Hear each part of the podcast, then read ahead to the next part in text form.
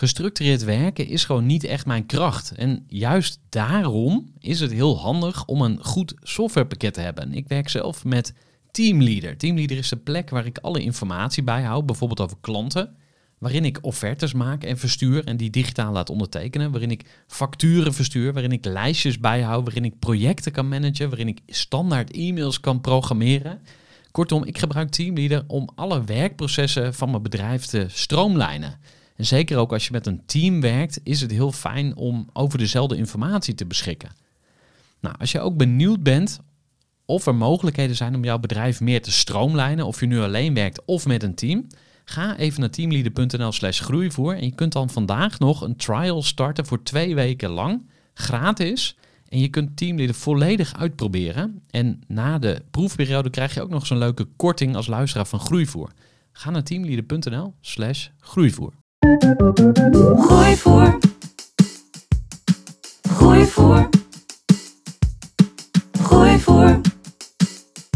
Zoek je inzicht, inspiratie voor je eigen bedrijf.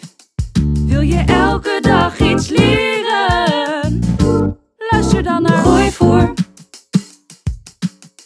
Kleding die je bijna nooit hoeft te wassen, die er super stijlvol uitziet en die levenslang mee kan. Is het te mooi om waar te zijn? Niet als het aan Lotte Vink van Labfresh ligt. Samen met haar partner Casper richten zij Labfresh op, een innovatief kledingmerk dat technologie en design combineert.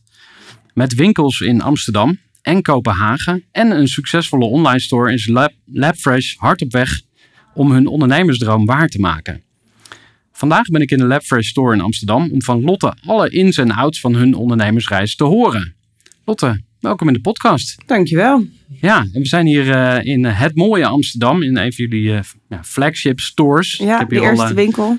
de eerste winkel. Offline ja, winkel. Ja, heel mooi. Ehm, interessant ook, ja, waarom nog een stenen winkel, maar dat komt misschien straks nog. Ja, Maar ik wil eerst ehm, jou wat beter leren kennen en je voorstellen ook aan de luisteraar. En ik ga jou een aantal vragen stellen. Ik wil je vragen om ja, een beetje korte antwoorden. Wil je eerst eens beginnen met, wat voor meisje was je eigenlijk? positief, veel energie. Altijd buiten en heel actief. Ja, zo kan ik me denk ik het best omschrijven. Beetje stout ook wel, rebel. Begon op de basisschool, was ik redelijk snel. Ik mocht een klas overslaan, heb ik toen niet gedaan. Ik denk dat ik daardoor een beetje ondergestimuleerd ben geraakt. En hè, al een beetje begon te puberen. Eh, ik ben wel begonnen op VWO, maar afgezakt naar VMBO-kader. Vervolgens wel nog HAVO gedaan door twee jaar in één te doen. Eh, dus ik heb binnen vijf jaar vijf middelbare scholen gehad. Van VWO naar VMBO-kader, weer terug naar HAVO. Vervolgens ben ik naar een HBO gegaan. Mensen met economie en recht afgemaakt. Waar heb je dat gedaan? In Amsterdam. Mhm.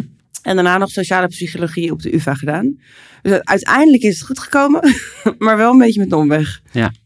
Wat heb jij eh, van huis uit meegekregen? Sommige ondernemers komen bijvoorbeeld echt uit een ondernemersnest. Of eh, daar zie je al van jongs af aan dat dat ondernemen gestimuleerd wordt. Wat heb jij meegekregen en hoe had ondernemen een plekje bij jullie thuis? Of misschien helemaal niet.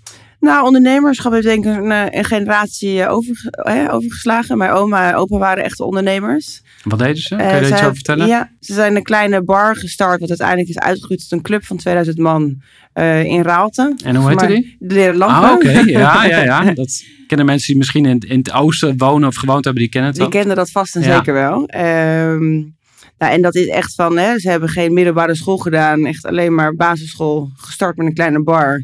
En het is een hele grote zaak geworden. Eh, dus ik denk inderdaad, bij mijn opa en oma zat dat echt het ondernemerschap erin.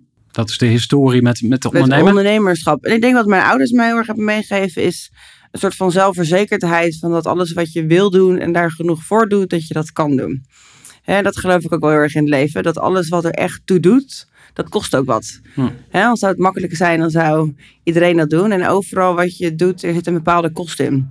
Hè, ik zeg wel eens, hè, the comfort zone is a beautiful place, but nothing ever grows there. Hmm. Dus je moet soms uit die comfort gaan, want daar zit pas groei. Eh, je hebt al verteld eh, wat je gestudeerd hebt. Ehm, is er één ding wat je daaruit meeneemt? Want uiteindelijk ben je niet met die studie echt wat gaan doen. Maar is er nog iets wat je meeneemt eh, uit je schooltijd of uit je studie... waarvan je denkt, hé, hey, dat neem ik nog steeds...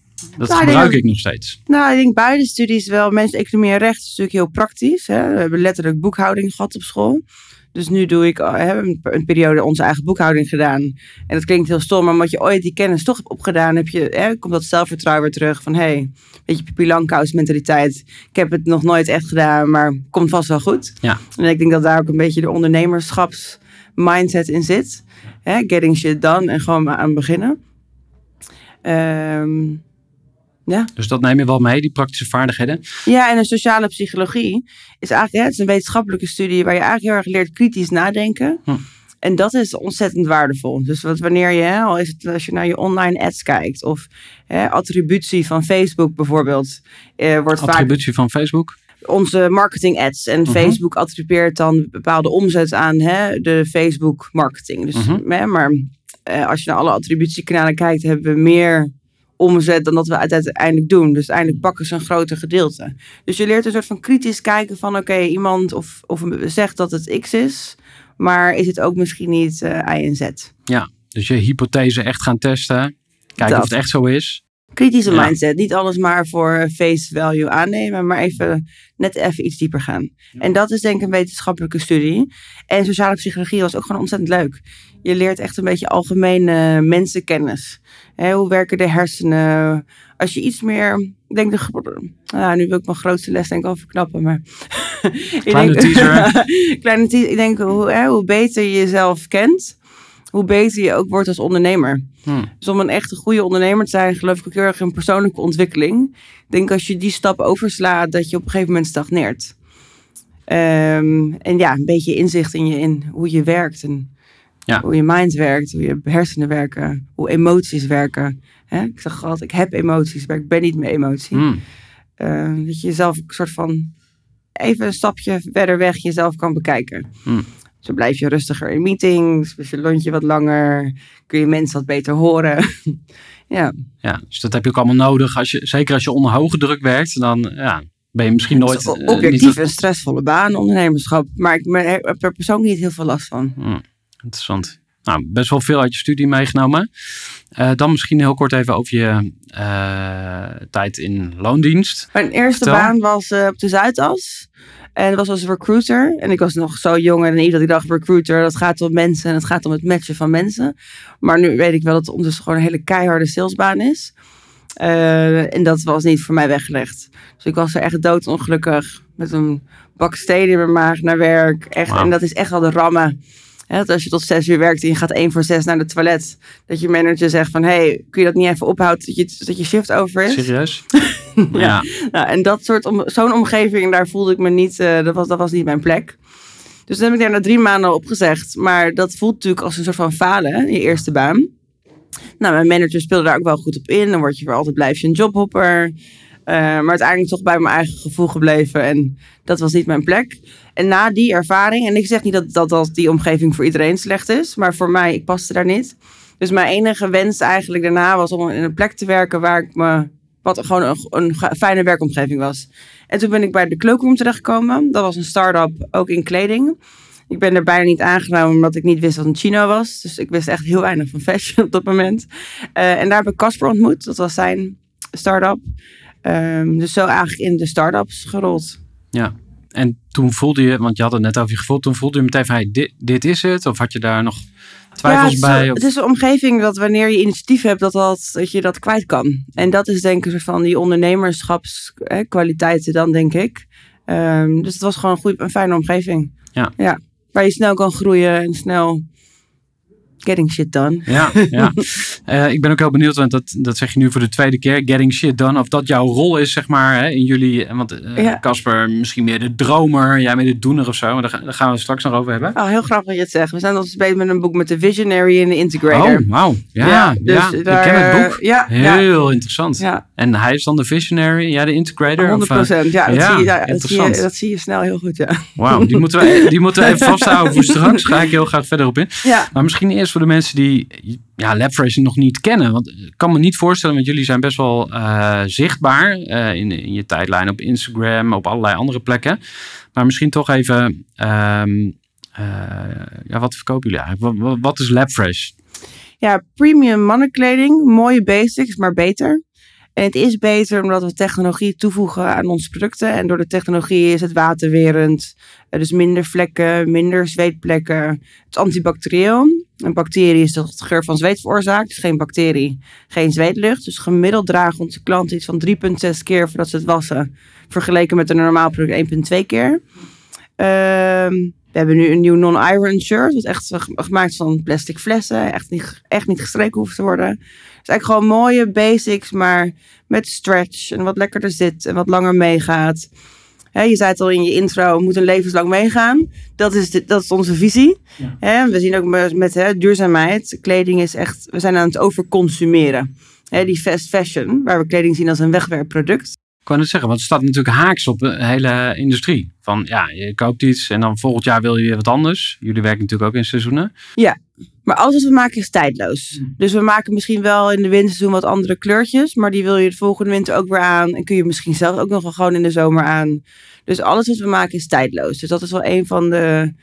Ja, waar al onze kleding aan moet voldoen. Dus dat je over tien jaar naar kijkt. Dat je denkt, ja, dat wil ik nog steeds aan. Ja, en daar zit denk ik het probleem in de fashion-industrie. Overconsumeren. Hoe zijn jullie deze technologie eh, op het spoor gekomen? Heb je, of heb je hem zelf ontwikkeld? Eh, Was het, eh, hoe, hoe is dat proces gegaan? Ja, we wilden heel graag iets nieuws doen in kleding. En zijn we eigenlijk gaan kijken wat voor ontwikkelingen zijn er. Outerwear, sportswear, die zijn er heel innovatief mee bezig. Maar ja, eigenlijk de alledaagse kleding die we dragen, zien dat niet terug. De laatste grootste ontwikkeling was een non-iron treatment op een katoenen shirt. En dat was in de jaren 50. Dus we dachten tijd voor disruptie. En toen zijn we eigenlijk gewoon gaan kijken van wat voor ontwikkelingen zijn er. Toen hebben we een, eh, start-up gevonden in Parijs. Hebben toen ons allereerste shirt meegemaakt. De kostprijs was toen 40 euro. Dus ontzettend veel geld op verloren met de eerste Kickstarter. Maar ja, je wil natuurlijk validatie, proof of concept, MVP, huppakee, live. Ehm, en zo is, zo is het begonnen. Ja, je Ja. zegt het alsof het vanzelfsprekend is. Maar MVP, hè, Minimum Viable Product. Ja, dat komt uit de, de Lean Startup. in ieder geval dat gedachtegoed. Ja. En kun je dat heel kort even toelichten? Nou, het is een soort van. Ik denk dat ondernemers soms vast blijven zitten omdat ze iets perfect willen maken. En dat snap ik heel goed. Want ik, als ik nu naar ons eerste product kijk, dan vind ik dat echt. Dan doet dat me bijna een beetje zeer. Maar je kan dan heel lang je beste jaren verspillen aan misschien waar helemaal geen vraag naar is. En om echt vraag te krijgen, te weten of er vraag is voor je product, je proof of concept, is eigenlijk dat je betalende klanten wil. Dus dat bijvoorbeeld freemium modellen of gratis, dat is geen echte proof of concept. Dus daarom is Kickstarter zo ideaal. Dus je kan je product erop zetten. We hadden één sample. Zijn letterlijk live gegaan met een paar honderd euro op onze spaarrekening. Eén sample, vrienden die onze video hebben geschoten. En toen hebben we 150.000 euro gedaan in één maand. Nou, toen dachten we van, oké, als we het niet, als we falen, gaan we misschien even een half jaar op reis, dat we weer iets nieuws gaan doen. Als het goed gaat, dan let's go en eh, laten we gaan bouwen. Ja, super vet. Op een gegeven moment wist je van, oké, we hebben dus iets aan eh, in handen. Eh, we hebben dat minimum viable product. En toen wil je er gaan groeien. Hoe, hoe is dat verlopen? Jullie hebben een aantal eh fundingrondes gehad. Wil je ons eens meenemen langs die rondes? Ups en downs. En ik denk dat elke ondernemer die dat wat langer doet, die dat al wel weet. Helaas is het geen stijgende lijn omhoog. Alhoewel dat soms van de buitenkant misschien zo uit kan zien. Eh, maar wij zijn ons eh, eigenlijk gegroeid via crowdfunding voornamelijk. Het is best wel een bijzondere manier om je bedrijf mee te groeien. Ik ken eigenlijk geen andere fashionmerken die dat hebben gedaan. Dus we hebben onze eerste vier productcategorieën gelanceerd op Kickstarter. Eh, ik denk dat de meeste mensen al weten wat het is, maar het is een crowdfunding platform voornamelijk voor pre-orders. Als je koopt wat, wij gebruiken dat geld om onze eerste levering te voorfinancieren. En daardoor kunnen we een, een, een levering plaatsen bij een fabriek. Eh, hebben in totaal 1 miljoen aan pre-orders gedaan. Dat is veel, toch? Dat is best veel. Ja. dat is best wel. Ja, dus dat is ontzettend fijn. Want in het begin heb je gewoon geen goede payment terms met je, met je fabrieken. Moet je vooraf betalen. En die cashflow heb je gewoon echt, eh, echt nog niet. Dus zo zijn we gestart. En hoe is dat? Want dat, eh, in dat hele start-up land, hè, Ja. struikel je over de mensen met leuke plannen en mooie folders en weet ik veel, hè, ondernemers met een idee. Ja, dus ik ben daar meteen heel benieuwd naar. En ik luister daarna graag weer naar de, de andere rondes natuurlijk. Maar om Ja. er toch even op in te springen. Ja. Hoe verklaar je dat zoveel mensen vertrouwen hadden in, in wat jullie eh, aan het doen waren? Waren jullie de eerste of de beste of de meest sympathieke? Of nou, heeft wel het hardst gewerkt of zo? Hoe, eh, hoe verklaar je dat? Ja, het is een hele goede vraag. Ik denk in ieder geval dat vertrouwen dat dat wel een punt is. Eh, voor Casper had hij natuurlijk al eerder een start-up gehad. Eh, ze zit wat ervaring in. Ehm, ja, toch ook misschien een klein beetje geluk hebben dat we genoeg traction hebben gekregen. Want ik moet, ik moet zeggen dat dat denk ik misschien van de, een van de moeilijkste dingen is van een beginnend bedrijf. Om de eerste duizend klanten te krijgen. En wij hebben toen we live gingen, hebben we via de Next Web en Bright heb ik gevraagd of die een artikel over ons wilden schrijven op live dag. En dat hebben ze toen gedaan. Ze hebben een shirt getest. Eh, en dat artikel is dus van viral gedaan, gegaan. En toen pakte dat heel snel even toen opgepakt. En die, ja, die PR heeft meegeholpen. We hebben onze hele LinkedIn ges- gescraped. Je had toen van die tools waar je social media posts mee kon maken. En kon je al je vrienden om toestemming vragen. Dat je echt op live dag bij iedereen een soort van zo'n blast. Dus alles wat we maar konden denken hebben we op dag één. In die eerste uur echt allemaal echt de kanonnen los. Ehm, ja, en toen hebben we eigenlijk een goede start gehad. Maar Ja. ik denk het blijft ook wel vertrouwen. Want heel veel van de Kickstarter projecten die halen het niet. Krijg je nooit je product. Dus dat is wel... ehm, maar het voelde ook wel, ik weet, ik kan nog wel herinneren op de eerste dag dat ik een eh, sms kreeg van een vriend van mij. Van, nou, gefeliciteerd en ga je het nu vieren? En dan dacht ik, vieren? ik voelde echt een soort van vlaag van verantwoordelijkheid over me heen. Dat ik denk het shit, doen. het product is nog helemaal niet mooi. En die kraag vliegt nog. En die knoopjes zijn lelijk. En, ehm, dus dat, ja, je, je voelt ook wel echt wel verantwoordelijkheid. Als je dat krijgt van... Als je je bedrijf bouwt met klanten. Ja. Ja. Ik denk dat dat heel belangrijk, of tenminste, klinkt ook een beetje conservatief. Ik denk meteen van, oh ja, dat is goed. Hè? Dus als je die verantwoordelijkheid voelt, dat is goed. Ja. Klinkt ook een beetje Hollands of ouderwets. ja, of, ik vind het van, ja, goed, ja. als je geld neemt, moet je teruggeven. Logisch. Ja, ja. Ehm, dus, En je gaat er harder voor rennen. ja, Ja, 100 procent. Ja. dus dat was ronde 1.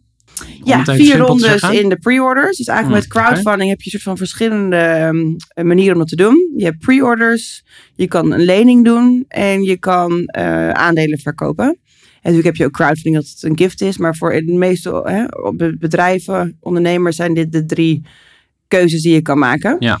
En Kickstarter was letterlijk om hè, te kickstart de company. Ja. Eh, daarna hebben we twee keer een crowdfund, een crowdfunding lening gedaan via Crowdabout Now. Ja. Dus eh, we zaten ehm, met de Grape District Founder hadden een koffietje aan het doen. En die vertelde dat ze een wijnbar hadden gedaan. Dat hadden ze geopend via Crowdabout Now met een lening. En ik wilde heel graag wilde ik de winkel openen. Ik had hem al gezien. Maar ja, cashflow blijft lastig als een jong bedrijf. Hoe ga je die investering doen? Nou, binnen drie weken na die koffie eh, sto- stond ik onze campagne live. Ja. Ja, en dat ging goed. We hebben toen om twee ton gevraagd. Je kan op Crowdabout Now 200% overfanden. En binnen een week hadden we vier ton opgehaald. Wauw. Ja, bizar. Ja. ja, heel mooi. En voor de winkel in Kopenhagen hebben we toen nog een keer hetzelfde gedaan. Daar zijn we afgelopen november open gegaan. En nu vorige week hebben we onze campagne gesloten op Cedars. Waar we 10% van het bedrijf hebben verkocht. Oké, wauw. Dus eh, ja, we zijn, we zijn wel echt fan van crowdfunding. Ja. Ja. dat merk ik. Ja, want eh, je zou kunnen zeggen van crowdfunding, dat ga je dan doen omdat je bij de bank niet terecht kan. Ja. Het risico is nog te groot. Eh, ben je dan nog in de verleiding geweest van, oh, nu gaan we dan wel naar de bank of we gaan het op een andere manier regelen of zo? Of is het gewoon Nou, het speelt go? wel. En ik denk op dit moment kunnen we wel bij een bank terecht. Maar ik vind het ook gewoon wel heel leuk om het met klanten te doen. Ja. Ja, ehm, ja, ja. we komen ook klanten hier binnen. We hebben ook, je hebt gezien wel, we hebben ehm onze logo hangt boven de kassa. En zijn alle namen op van de mensen die hebben meegedaan aan die eerste Crowdabout Ja. Now. We gaan nu een nieuwe druppel maken met alle namen van alle Crowdabout Nows en de investeerders van Cedars. Dus dat worden denk ik rond de 1200 namen. Vet. Dus die druppel die moet wat groter. Ja, Maar dat is wel gewoon heel leuk. Als je binnenkomt en je ziet je naam op zo'n druppel. En je hebt letterlijk meegebouwd aan... eh, ja, zonder hun dat we het echt niet kunnen doen. ja. Ja. Ik zag ook een naam van iemand die ik ken. Oh, echt? Dus dat is Ah, grappig. Dus Ja. De check, dat zijn allemaal echt. ja. Ja. Super cool. Ehm, hey, dit, dit gaat over funding, hè? dus geld ophalen om te groeien. En dan ben ik ook wel heel benieuwd. ehm, hoe heeft de organisatie zich ontwikkeld? Dus wat heb je met geld gedaan? is misschien een te brede vraag. Ehm, maar ja, hoe heb je je team gebouwd, zeg maar? Dus eh, de hele infrastructuur eh, moet jou als ehm, eh, integrator... Is dat ook jouw stuk, zeg maar? Ja, de organisatie. Wil, wil je daar eens wat over vertellen? Hadden jullie daar een plan bij? Van oké, als we die miljoen krijgen of die 2 miljoen of whatever, ehm, dan zijn dit de stappen. ja, in het begin inderdaad maak je het van... eh, wa- waren we hè, met z'n tweeën zijn we het eerste jaar geweest. Toen kwam er de derde bij. En toen dachten we van... Hè, wie wil er nou met zo'n koppel samenwerken... die hun chihuahua elke dag meeneemt naar kantoor? Ja, want jullie zijn ook privé een koppel? We of, zijn eh, privé ook een koppel. ja. Ja. ze zijn gemiddeld 23 uur per dag samen. Kan redelijk intens Als er zijn. dan een derde persoon bij komt, ja, dat moet net, net eh, passen inderdaad. Ja, en eh, die heeft drie jaar bij ons gewerkt en we zijn nog steeds beste vrienden. En zij is nu haar eigen agency gestart en we zijn nog steeds klant van haar bij eh, Good Karma. Ehm, dus dat is best wel een mooie start. Leuke tijd als je aan die tijd terugdenkt. We hebben ook, ook ons eerste kantoor.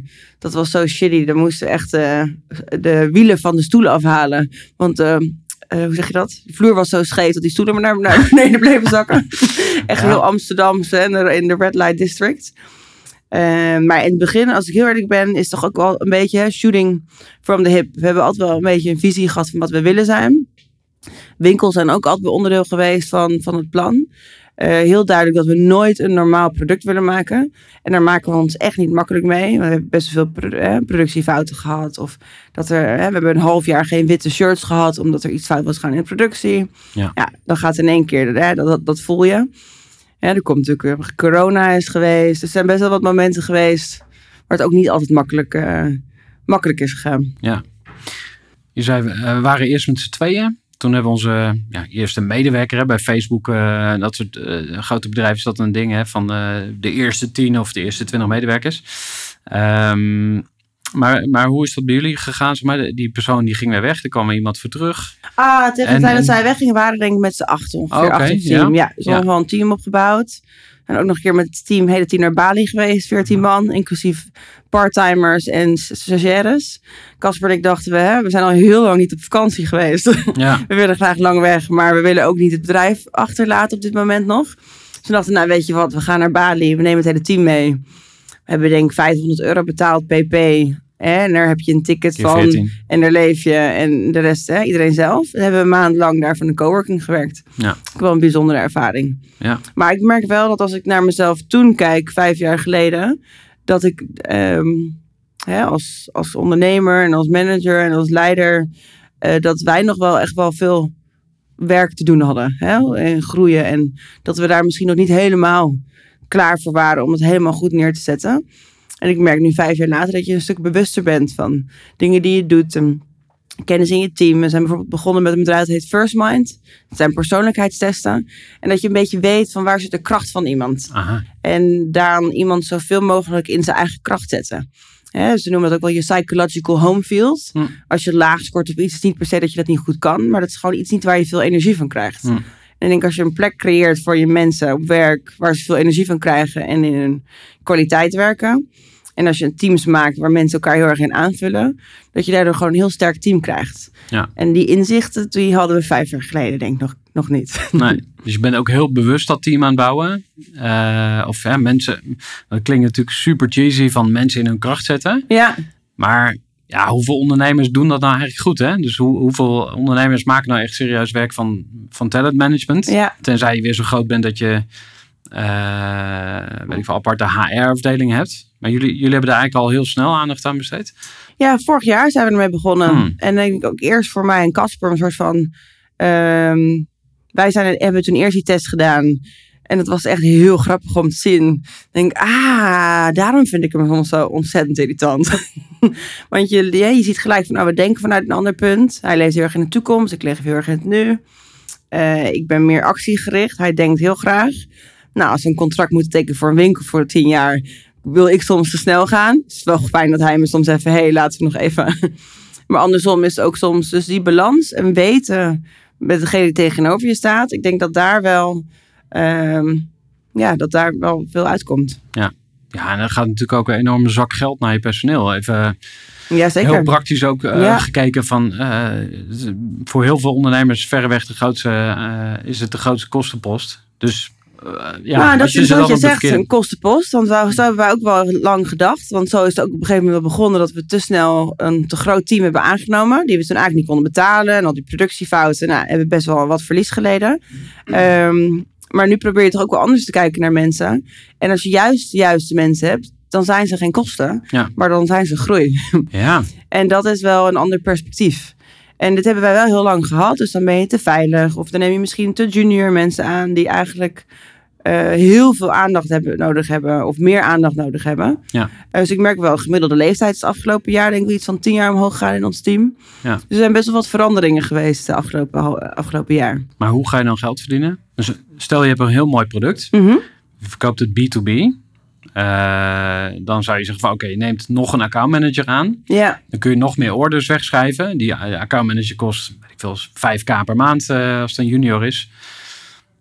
En ik ga eh, x aantal eh, of x omzet bijdraaien. Dan, dan weet ik van eh, oké, dan ga ik inderdaad geld verdienen als ik nog een accountmanager aanneem. Maar wat voor mensen nemen jullie dan aan? Is nou, dat je hebt een bepaalde soort van marketeer of een- support staff. Hè, Mhm. Dat hè, met customer service, als omzet groeit, groeien je tickets mee, heb je meer mankracht nodig. Ja. Maar over het algemeen ehm, kunnen wij nu, als je dat, dat wegdenkt en de winkels personeel wegdenkt, zouden we omzet kunnen verdubbelen met hetzelfde team. Aha, Hè, we hebben nu twee mensen in product en meer voor production, eentje meer op development focused. Ehm, als wij dubbel zoveel items bestellen en niet per se onze categorie, collectie ingewikkelder maken, Mhm. of je nou een order schrijft voor 5000 stuks of 10.000 stuks, dat maakt er niet zoveel uit. Dus ik geloof wel dat we met het huidige team kunnen we omzet verdubbelen. aha. Zonder dat we het team verdubbelen. Ja, En dan begint de bottom line er beter uit te zien. ja. Leuker uit te zien. Dat zal, zal sowieso een eh, investeerder ook vragen. Maar eh, hoe zit het met omzet en winstgevendheid? Wil je daar iets, durf je daar iets over te zeggen? Eh, ja, zeker. Ik verwacht dat we dit jaar richting de 7,5 net gaan. Ehm, vorig jaar was ons eerste jaar dat we break-even waren. Hopelijk dit jaar eindigen met, met een beetje winst. Dus eh, ja, we groeien hard. Ja. Year to date zitten we denk ik iets van de 80% groei vergeleken met vorig jaar. Ja. Ja, we zijn op een gegeven moment dat je dat niet meer deelt. Maar we zijn net helemaal live geweest met een Seeders campagne. Dus je kon alles opvragen online. Dus eh lekker met de billen bloot. Ja, precies. Hey, en eh, wie van jullie heeft de meeste eh, liefde voor geld? Wie zit er het meest zeg maar, op? Ja, shit, het moet ook winstgevend zijn en op de kosten letten. Of hebben jullie allebei niet? Of allebei wel? Hoe? Ik denk dat ik- ik ben. ehm, ik ben iets meer risico geneigd voor risico. Ik denk dat dat Ja. Casper iets meer veiliger kan zijn. Hij denkt ook meer na. Hij is meer een denker. Hij denkt, Mhm. hè, en ik ben iets meer actiegericht. Dus daardoor van nature. eh, maar ik ben iets meer op de finance in LabFresh. Dus twijfel ik even of ik de juiste persoon daarvoor ben. Maar ik denk juist ook dat je soms keuzes moet maken die misschien een beetje eng zijn. En niet hè, om die groei eh, vast te houden. Nou, ik vraag het omdat ik zelf eh 15 jaar ondernemerschap eh, achter de rug heb. Ja. En ik heb pas eh, twee jaar geleden of zo ook een eh, talententest gedaan. Het heet het Odin Development Compass. Ja. En, en toen kreeg ik pas het inzicht van... hé, hey, maar eh, ik vind dat geld eh, verdienen eigenlijk niet zo interessant... of eigenlijk niet interessant genoeg... waardoor ik daar eigenlijk veel te weinig mee bezig ben. Hmm. Dus ehm, eh, ik werk heel hard, maar ik vraag me nooit af van... hé, hey, maar eh, wat krijg ik er nou voor terug? Of eh, maak ik dan wel genoeg winst? Of gaat er wel genoeg geld naar mij persoonlijk? Ja, En dat zie je ook wel bij andere ondernemers. Die werken heel hard, die maken mooie dingen. Maar bottom line, want daar Ja, hadden we het over, blijft er te weinig over. ja, Dan denk ik, hoe komt dat toch? Terwijl ik heb ook een vriend, die is heel zakelijk. ja, Die zorgt altijd dat hij er altijd goed vanaf komt, financieel ook. ja, En ja, ik kijk daar gezegd wel een beetje tegenop. Dat ik denk van ja, shit. Ik maak wel mooie dingen, maar ik verkoop er geen reet, of ik verdien er geen, geen, eh, ja. geen zak aan. Nou, ik begrijp wat je bedoelt. We Casper en ik zijn ook beide niet heel erg money-focused. Aha. Eh, in het begin verdienen we ook helemaal niks. En dat is niet ons doel nu, deze jaren. Het doel is meer een soort van bouwen. Ja. En natuurlijk met een start-up, hè, wat niet, wat je zegt, hè, met B2B heb je, hè, de groei is afhankelijk van elk persoon meer. Hè, dat is bij ons is dat iets, iets schaalbaarder misschien. Dus je bent gewoon nu in een bouwfocus. maar ik vind wel, we zijn nu zes jaar oud. Eh, je, als je niet die winstgevendheid ingaat, dan heb je geen sustainable bedrijf. Ja. Dus wat ben je dan aan het doen? En ik denk dat het ook wel een shift is in de huidige mindset waar we nu in zijn. Hè? Een paar jaar geleden kregen bedrijven zoals ons ehm, ontzettend hoge waarderingen die ze nooit gaan waarmaken. De Bonobo's en hè, misschien ook nu misschien een Van Moof. Maar een fysiek product maakte is gewoon echt, echt heel moeilijk. Ja. Eh, en dat, ja. Maar als je inderdaad niet die winstgevendheid op een gegeven moment ingaat, wat ben je dan eigenlijk aan het doen? Mm. Ja. Dus op een gegeven moment moet je wel hè, daar over gaan nadenken. Ja. Maar groeien is, hè? Nou, ik heb nog een quote. Kom maar. Growth is vanity, profit is sanity. Even een korte onderbreking met een belangrijke vraag aan jou. Want wat heb jij geregeld voor het geval je van de ene op de andere dag zou komen uit te vallen? Wat gebeurt er dan met je bedrijf, maar vooral wat gebeurt er met jou persoonlijk en ook in financieel opzicht? Samen met ASR voerde ik drie openhartige gesprekken over tegenslag en veerkracht. En dat deed ik met Saskia, Vincent en Pieter. Ondernemers met een bloeiend bedrijf die van de ene op de andere dag niet meer konden werken. En die verhalen hoor je in aflevering 256, 257 en 258 van deze podcast. Als ondernemer wil je natuurlijk niet uitvallen. En daarom is het belangrijk dat je veerkrachtig bent, want voorkomen is beter dan genezen. En als het dan toch misgaat, is het fijn dat je iets geregeld hebt, zodat je weer snel door kunt met ondernemen. Wil je weten hoe veerkrachtig jij nu bent? Vul dan in twee minuten de veerkrachttest van ASR in. Ga naar asr.nl slash veerkrachttest ondernemers. Ja, dus dat is, eh, ja, als je alleen maar met je toplijn bezig bent, dat is hè, een beetje meer ego misschien. Maar zonder hè, een gezonde bottomline, sanity, is er geen sanity. Je, je hebt dat nodig, anders dan uiteindelijk, dan, dan blust dat toch wel uit. Mooi. Deze Ja. gaan we eruit knippen. Als, eh, voor, de, voor de promo. Ehm, misschien nog heel even over eh, jullie product. Want jij zei eh, helemaal aan het begin ook dat het alleen voor mannen is. Zijn er nog plannen om ook iets voor vrouwen te gaan doen? Want je ziet al meer eh, eh, fashion merken die eerst met mannen beginnen. Bamigo is volgens mij ook begonnen met eh, vooral heren. Die hebben ook een damesaanbod.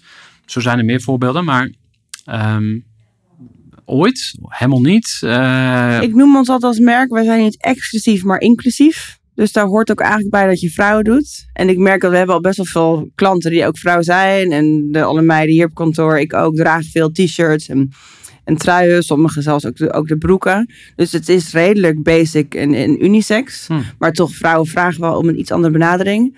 Voor nu, hè, je moet dan in één keer je stok verdubbelen, je marketing anders. ja. Hè, focus is key. Ik denk dat dat echt ook wel een van de moeilijkste dingen is als ondernemer. Om Mm. nee te zeggen. Ja. Je ziet overal eh, opportunities. En om dat dan hè, daar focus in te krijgen. Dus we willen dat zeker wel doen. Maar wel op het juiste moment. mooie cliffhanger voor een podcast over drie jaar of zo. En dan Ja, kom ik terug en dan lanceren jullie Ik misschien hoop wel. over drie jaar dat er ook wel een dameslijn zit. Ja. Ja, cool. Eh, nog even over het product, want ik gebruik het zelf ook. De kleuren. Hoe kwam je daarbij? Want ik, ik heb een keer een eh, kleurentest gedaan. Het was Mhm. gebaseerd op de seizoenen. Ik zal je heel kort meenemen. Voordat ik die test deed, droeg ik altijd navy blauw Mhm. en zwart. Ik wist niet beter. origineel. Ja, nee, maar dat doen mannen. Heel veel mannen. En de meeste mannen is eh, different shades of blue. Ja, precies. Ja, dat is het. En eh, toen heb ik die test gedaan. En nou ja, eh, dan gaan ook altijd mensen vragen: ja, is het wetenschappelijk onderbouwd? I don't know, I don't care. Ja. Maar in ieder geval, je wordt voor een spiegel gezet. En dan zeggen ze: oké, je hebt eh, vier eh, seizoenen. En je hebt ook vier, ehm, eh, of eigenlijk twee variabelen. Ehm, je hebt zilver of goud. En je hebt mat en glanzend. Mhm. Nou, bij mij kwam eruit zilver, mat. En dat waren dan zomer. Dan was ik het zomertype. Mijn vrouw heeft het ook gedaan. Hetzelfde verhaal. Grappig. En ze matchen dus eigenlijk die kleuren met je, met je huid en met je haarkleur. Ja, En ik was dus een zomertype. En sindsdien, eh, dan moet je denken aan kleuren als... eh, turquoise. Ja, eh, precies. Ehm, nou ja, allerlei kleuren die je ook in de podcast video's terugziet. Maar bijvoorbeeld ook... ehm, eh, ja, ik, ik vind het moeilijk uit. Lavendel bijvoorbeeld. Ja. Is, is er nog een filosofie in die zin over de kleuren? Of dragen, eh, presenteren jullie gewoon wat jij mooi vindt staan bij Casper? Casper is wel? Casper Ja. is wel ons fittingsmodel. En natuurlijk kiezen we kleuren die we zelf mooi vinden. Maar ik ben nu ook wel zover dat we, hè, we nemen mensen aan waarvan ik denk, ik hoop dat jij beter bent in jouw job dan ik ben in jouw job. Dus als zij komen met een kleur voor een bepaald seizoen. Ehm, en ik vind dat ik ben niet zo heel erg van donkerbruin. Ja. Maar er zit nu wel donkerbruin in onze collectie. Denk ik, ja, je moet soms ook een beetje van je eigen eh, mening af willen stappen. En eh, maar in principe is eigenlijk het, ons productteam kijkt inderdaad wel, hè, wat zijn de seizoenskleuren, wat zijn een beetje de trends. Maar over het algemeen blijft het tijdloos. Ja. Dus het zijn allemaal basic kleuren die je elk jaar ook wel weer terug ziet komen. Donkergroen komt elk jaar terug. Soms net even in een andere shade. Hè? Soms is het iets meer army, soms is het iets meer concrete. Weet je Mhm. dat? Ja, Maar mooie, mooie basic eh, kleuren. En dan per seizoen. In de zomer is het allemaal wat lichter. Misschien iets meer fellere kleurtjes. En in de winter heb je vaak iets meer donkere. interessant. We gaan snel door. Want ik heb een aantal groeidilemma's voor jou. Oké. En ik ga ze voorleggen. Je mag, eh, of je moet kiezen. En eh, nuanceren mag achteraf. Ja. We beginnen met 100 winkels in Nederland. of 10 winkels in Europa? Tien winkels in Europa. Zelf financieren of groeigeld ophalen? Hmm, lastig. Beide. Kan niet, hè? Stel, ja, beide. Ik kan het zelf beter of ik delegeer zoveel mogelijk? Eh, fase. Nu probeer ik delegeer zoveel mogelijk. Privé een grote reis maken of nog een vestiging openen? Nog een vestiging openen. Denk groot of wees realistisch? Beide. Maar als ik moet kiezen, denk groot. Oké. Ik sta altijd aan of ik kan heel goed mijn rust pakken. Beide. Ik sta aan wanneer je aanzet. Als ik in mijn rust pak, sta ik ook aan in mijn rust. Ja, je bakent het wel af. Ja, ja. Ik ben, ik ben eh, eh, nog een quote. je zei dat je wilde. Kom maar. I'm where my feet are. Dus waar mijn voeten staan, daar wil ik zijn. Dus mijn voeten zijn nu in deze kamer, dus dan ben ik met jou in gesprek. Ben ik iets aan het doen, een wijntje aan het drinken, dan ben ik, staan mijn voeten daar. Heb ik aandacht voor met de vriendin die ik zit. Of I am where my feet are. Mooi. Laatste stelling of het laatste dilemma. Stoppen als iets niet lukt of juist nog harder doorgaan. Ja, heel lastig. Want weten wanneer te stoppen, dat is ook een kwaliteit. Ehm, en ik denk dat je daar soms moet voelen ergens, ja, klik misschien maar in je gut. Dus dat is, eh, verschilt per situatie. Is er een eh dilemma? Maar wel alles uit de onderste kan halen. Ja. Ik wil, als ik ergens mee stop, wil ik wel kunnen zeggen, ik heb daar alles aan gedaan. En het is niet gelukt, want hè, het heeft niet zo moeten zijn. Het is hetzelfde met als je bijvoorbeeld je, een mooi verhaal, als je je bus wil halen. Hè, je kan denken, oh, ik die bus maar haal. Maar je loopt heel langzaam en je mist die bus. Hè, had jouw bus kunnen zijn. en als we dan hè, metafoor over je bedrijf hebben, over groei. Maar als je rent naar die bus en je mist toch je bus. It wasn't your bus. Zo probeer ik er een beetje naar te kijken. Mooi. Is er nog een eh, stelling die je eruit wil pakken waarvan je zegt, hey, die, die, die vond ik wel extra interessant of die, eh, die raakte aan iets, die raakt mij. Ehm nou, inderdaad, ja. Nou, allemaal vond ik toch wel lastig om een soort van harde keus. Dingen is vaak niet zo zwart-wit. Ja. En met de laatste, met een eh, winkel openen of eh, een, een reis, lange ja, reis. die- laten we die er eens uitpakken. Wat- we daar even hadden. Ik dacht, ja, fuck it, stap in die camper, ga een wereldreis maken, maar We nu even niet. Nou ja, nee, nu sowieso niet. Want Casper en ik, we willen gaan trouwen. We wilden Oh, dat wauw. eigenlijk, ehm, willen wel, we zijn al vier jaar verloofd. Maar business komt dus elke keer in de weg. Dus het is heel duidelijk dat we elke keer gaan voor die volgende vestiging. En niet eh, die, die huwelijksreis. En we zouden dat eigenlijk dit jaar gaan doen. Maar toen dachten we, ja, toch wel weer wel druk. Dus laten we het maar verschuiven naar januari. En we zijn nu ook bezig eh, met een deal maken voor een, eh, een derde winkel. Ik kan er niet zo heel veel over loslaten, want we, we zitten nog midden Dit in, het- continent? in Nederland. Ja, Ja, oké. cool. ja, er zitten echt middelen nog in de onderhandeling. Dus daarom kon die keuze makkelijk gemaakt worden. Eerst nog een derde vestiging. Eh, maar in januari gaan we ook drie weken op huwelijksreis. Ja. Ja. Gefeliciteerd. Ja, we moeten nog regelen bij de gemeente. Dat is ook weer zo irritant. Hmm. Hè, moet je twee maanden wachten voor een afspraak? Kom je eraan? Oh, heb je je birth certificate voor Casper mee? Nee, nou, weer twee maanden voor volgende afspraak. Alleen voor het aankondigen. Dus we moeten nog even kijken of het allemaal echt gaat lukken. Maar Ja. we doen ons best. Misschien wel leuk om daar even op in te springen, want ehm, jij bent geboren in Australië, opgegroeid in eh, Nieuwkoop? Nieuwkoop. Ja, Ehm, maar Casper, waar komt die eigenlijk vandaan? Denemarken. Ja. En een eh, half uurtje bij, uit Kopenhagen. Mhm. Eh, Ja, dus daarom ook eh, daar een, een winkel. Ja. Ik ben wel heel benieuwd wat dat doet met jullie bedrijfscultuur. Is daar nog iets over te zeggen? Is het, nou, we zijn redelijk internationaal. Ik denk dat we nou, zomaar wel 10 plus nationaliteiten hebben. Ook al zijn we nog een redelijk klein team. We spreken voornamelijk Engels. Ehm, maar ik denk over het algemeen dat Denen en Nederlanders heel erg op elkaar lijken. Dus ik denk dat er eigenlijk weinig... eh, ik denk dat we meer op Denen lijken dan dat Nederlanders op Duitsers lijken. En Denen meer op Nederlanders lijken dan dat ze op Zweden lijken. interessant. Dus dat heb je allemaal kunnen eh, aanschouwen. Interessant. En ook Nederlanders zijn gek op Deense merken. Dus Hm. die Deense minima, hè, minimalisme, die hebben wij ook wel in onze kleding terug. En wat zijn andere merken die we zouden kunnen kennen? Of die bij de bijenkorf hangen bijvoorbeeld? eh, Samsu Samsu, Deense merk, NNO7, Hm. allemaal, eh, ja, of uh, Tiger of Sweden komt dan uit Zweden, maar een beetje de Nordics. Dat zijn toch wel merken die eh, we mooi vinden als eh Nederlander, ja. Nice. We gaan naar jouw ehm, ondernemerschap. Je hebt er net al wat over gezegd. Sterker nog, direct na de intro eh, was je al klaar om je, je grote lessen te, te spillen. Nou, ik wil eigenlijk naar twee dingen kijken. Eerst naar jouw ondernemerschap. Mhm. Eh, dus hoe ben je gegroeid? Eh, en daarna ook naar jullie ondernemersreis. Wat heb je meegemaakt en wat, wat neem je daaruit mee? En dan gaan we aan het einde afsluiten met jouw grootste ondernemersles. Of je, ik heb hier staan advies aan de wereldbevolking. Dus het mag wat breder zijn dan Oké, ja. eh, alleen over, ondernemer. na- over nadenken nog. Maar lat- ik leg de lat hoog. Ehm, maar eerst over jouw ondernemerschap. Eh, en ik wil beginnen met, wat is volgens jou een goede ondernemer? ja, goede vraag. Een goede ondernemer. Ja, is, is denk ik een een generalist. Dus die eigenlijk alles van heel veel wel wat weet.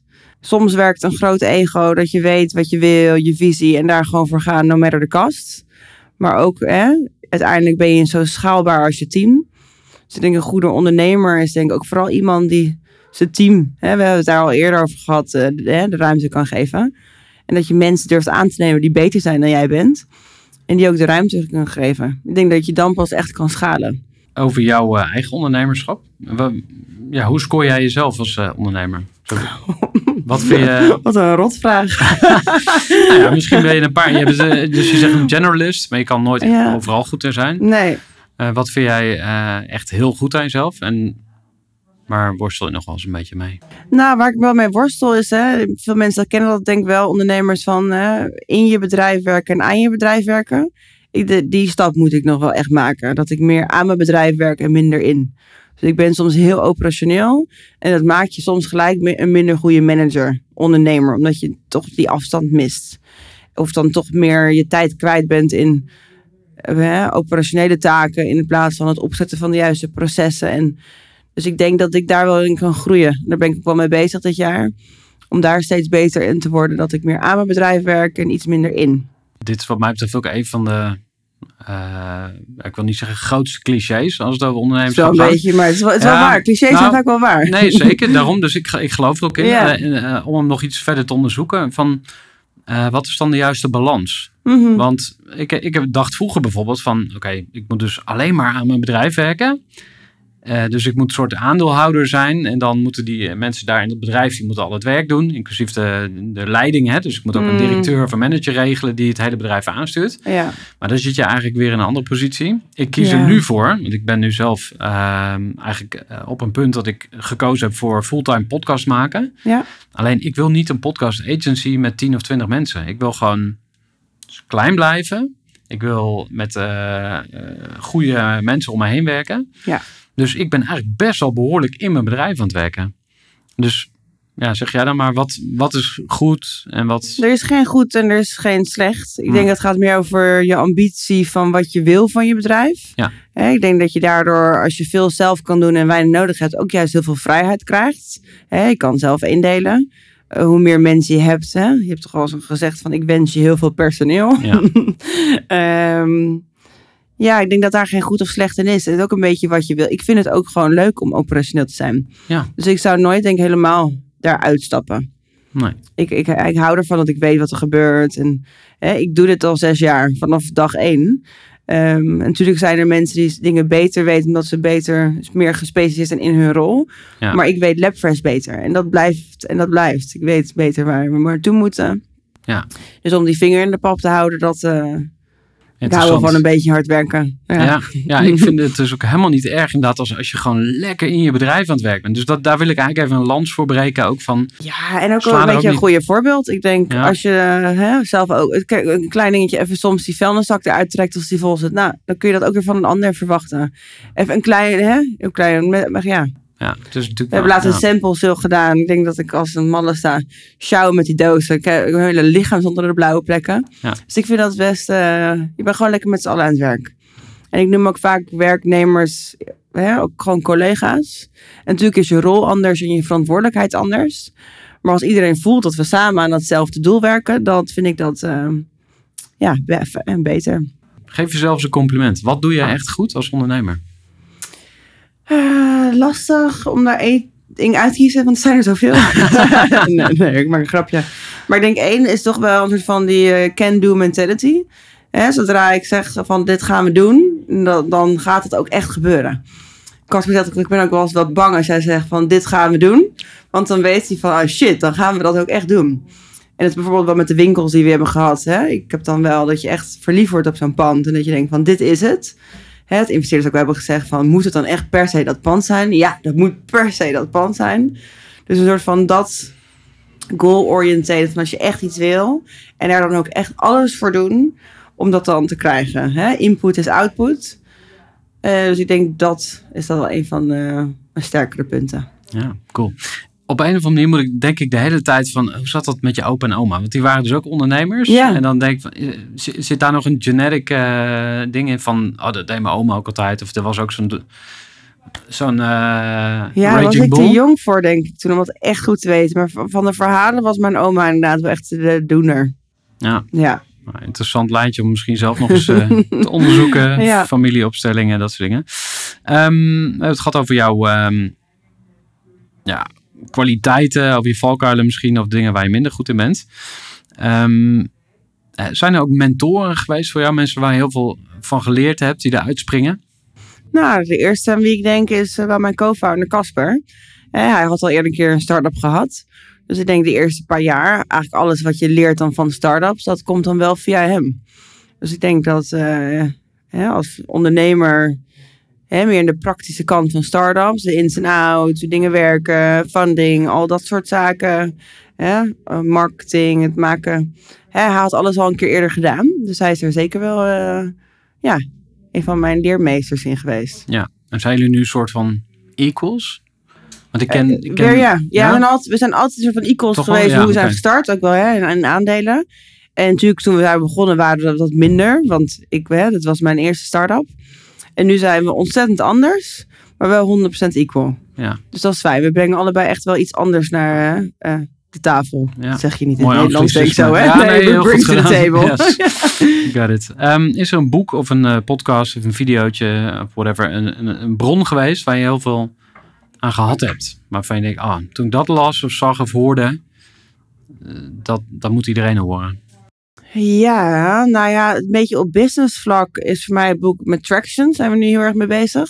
Dat is van Gino Wickman, toch? Eh, Ja. Of onder andere. Ja, dus dat proberen we nu. Dat is echt wat wil ik dit jaar echt gaan implementeren. Een soort besturingssysteem voor je bedrijf, toch? Met, Ja, hoe werkt het? Ja, ja, ze hebben een aantal modellen die je eigenlijk van invult. Een soort van meeting rhythm, rhythms. ehm, hè, dat de visie duidelijk is. Ik wil eigenlijk iedereen in het team kunnen vragen van waar zijn we over vijf jaar? Ja. En dat we allemaal hetzelfde antwoord geven. En dat klinkt misschien heel simpel. Ah, Ehm, lijkt- maar dat is eigenlijk best lastig. Ja, ja, ja. Precies. En dat is ehm, ja, een van de boeken waar ik dit jaar heel erg mee bezig ben op business vlak. Ehm, ja, en meer op persoonlijk vlak. En ik vind echt dat je die twee dingen niet kan splitten. Maar ben ik fan heel erg van eh, Michael Singer. Ik weet niet of je hem kent. The Untethered Soul. Living Untethered, ja. Ja, of- ja wat precies.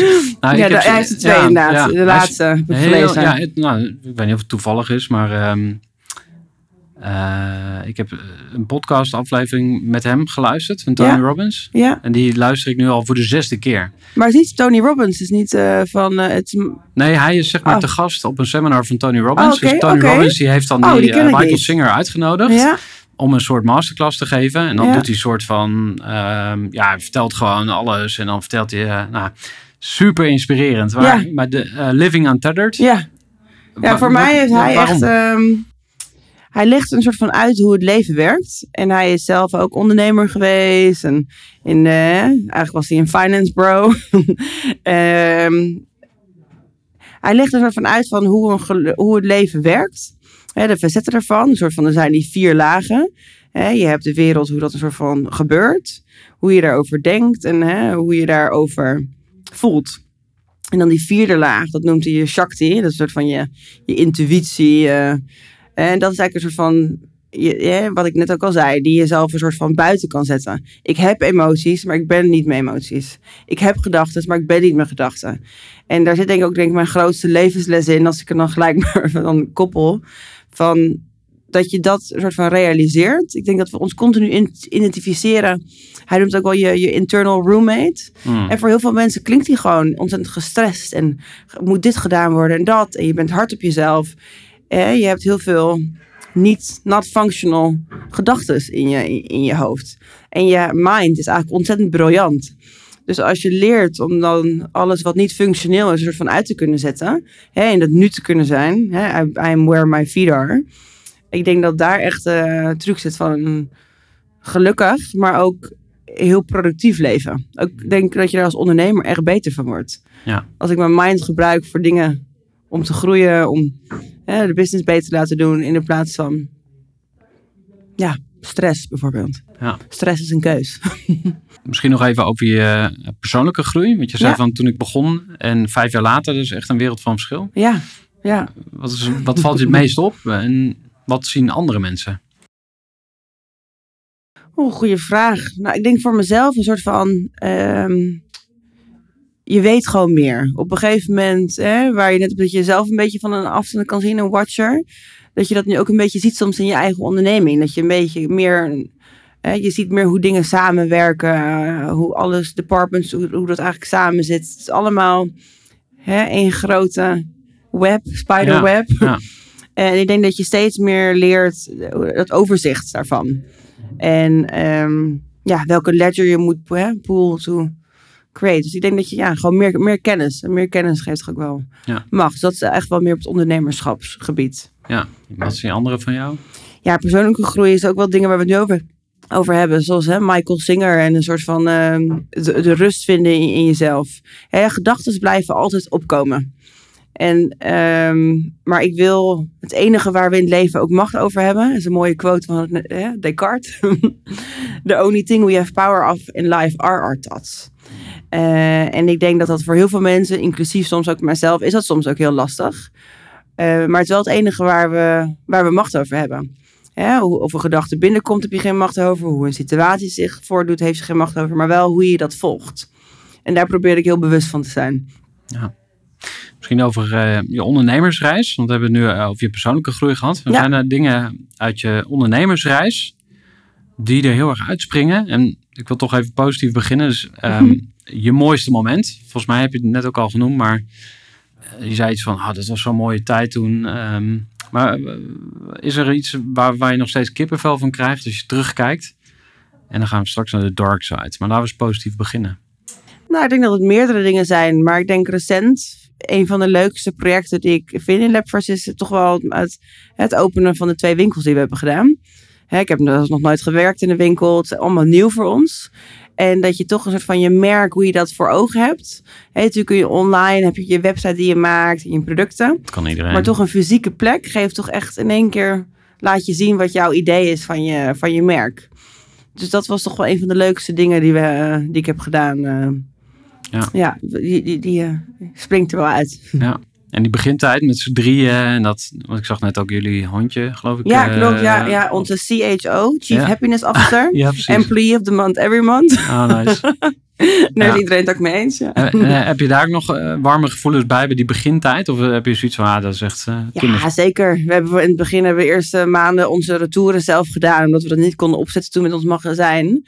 En dan met z'n drieën een fles wijn, Casper stomen, ik en Orsi vouwen. Dat zijn natuurlijk best wel leuke herinneringen. Ja. Maar ik ben wel blij dat we niet meer onze eigen retouren doen. Eh, dan misschien naar een heel pijnlijk moment. Is er een moment waarvan je echt dacht van, ah, ik stop er man. Ik stop ermee. Dit komt niet meer goed. Of, of iets wat jou echt geraakt heeft. Waar, waar je echt van wakker gelegen. Na het laten gaan van mensen. En we hebben twee keer een fase gehad. Dat we de eerste keer was ook echt wel onze fout. Dat we gewoon te snel een te groot team hebben aangenomen.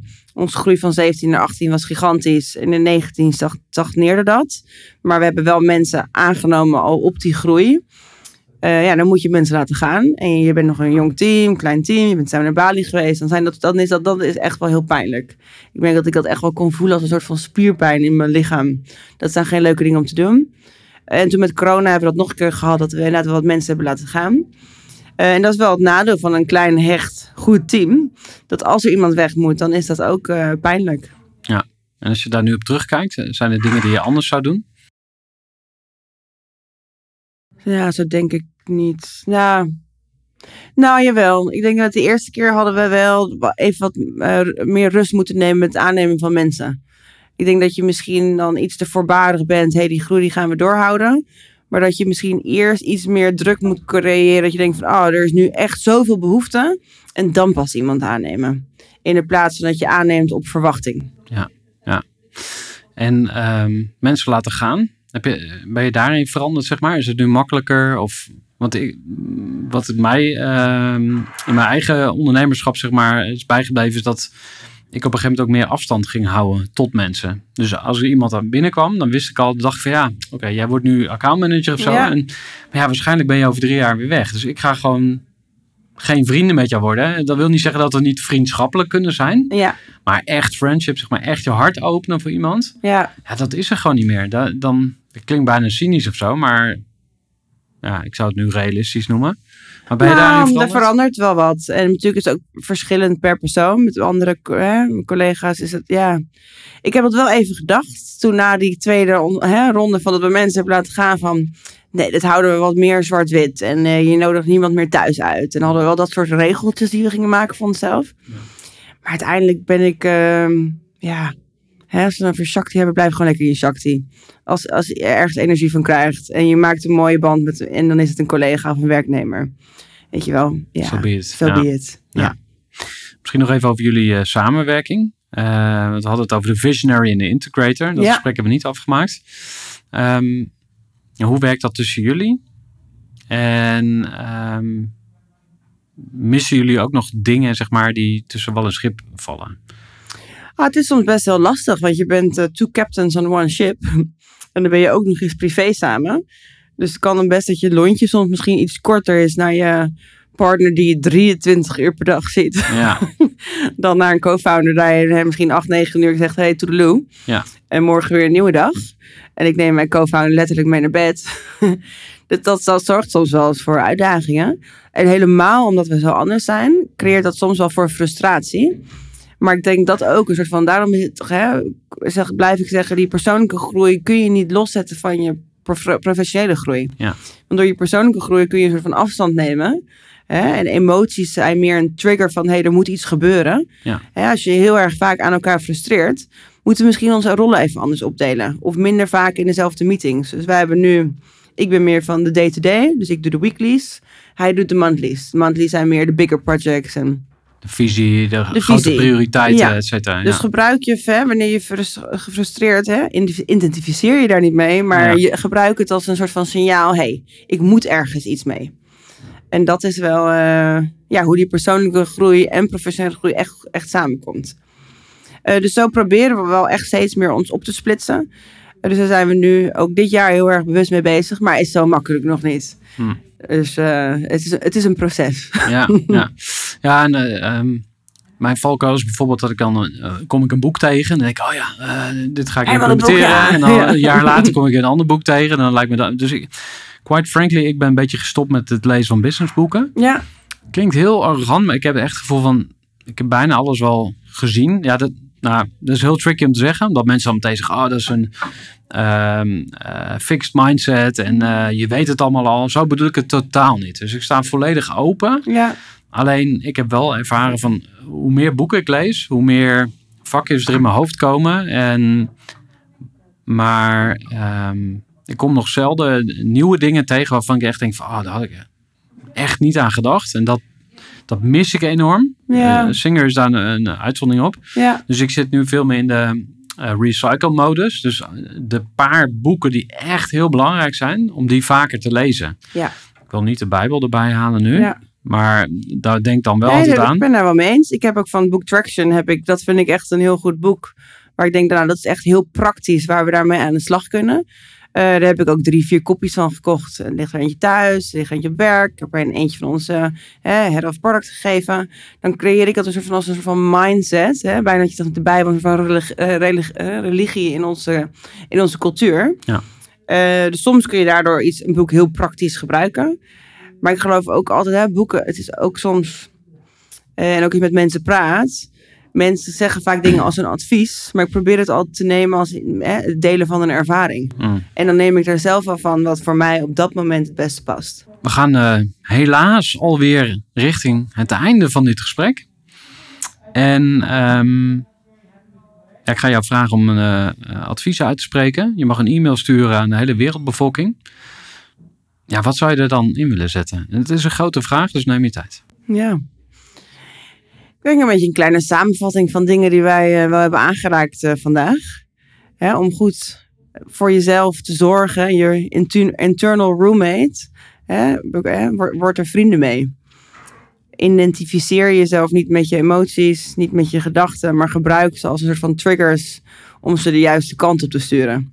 Hè, en je energie is je kompas. Geeft iets je energie, go all in. Kost iets je energie, hè, stop ermee. En, ver, en vergis niet dat dat is van iets is moeilijk of hè, it's hard.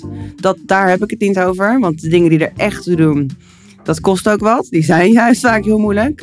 Maar leer goed luisteren naar je energie en voel of je op het juiste pad zit. Mooi. Lotte, dankjewel. Graag gedaan, jij bedankt. Gooi voor.